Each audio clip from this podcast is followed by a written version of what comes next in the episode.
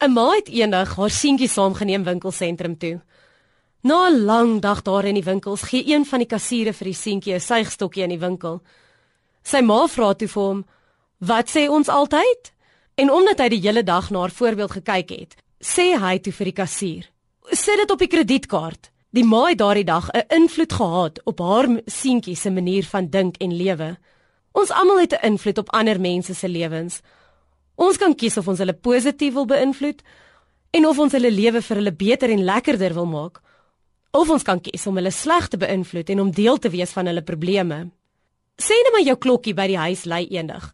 En as jy so uitloer by die vensters en sien wie dit is, merk jy 'n hele kameraspan op. Nadat jy hulle verwelkom het en ingelaat het, hoor jy Ons het jou nou al vir 'n tydjie lank gevolg om te kyk watter invloed het jy op ander mense se lewens. Ons wil net een laaste onderhoud met jou voer om te hoor wat sê jy. As iemand 'n realiteits-TV-program van jou lewe maak oor watter invloed jy op ander mense se lewens het, hoe sal dit lyk? Wat sal die kamera opneem van jou by die werk en hoe jy met die mense daar omgaan?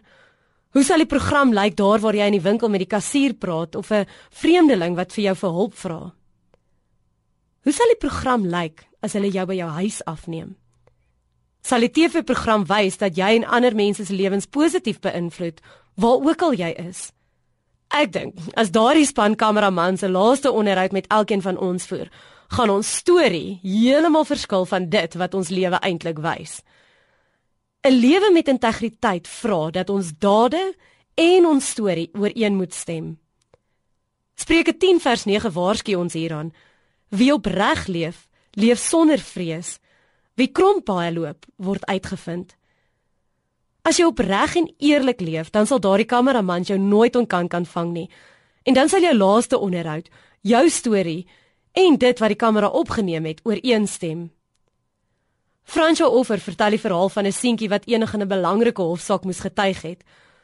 Na deeglike ondervraging het die aanklaer sy getuienis probeer afmaak as nutteloos deur vir hom te sê: "Jou pa het mos vir jou gesê wat om te getuig, nie waar nie?"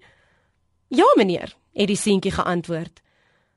"Nou goed dan, sê vir ons presies wat het hy vir jou gesê om te getuig?" Hy het gesê dat u sal probeer om my in my eie woorde vas te vang, Maar as ek net die waarheid praat, kan ek dit elke maal herhaal sonder om bang te wees.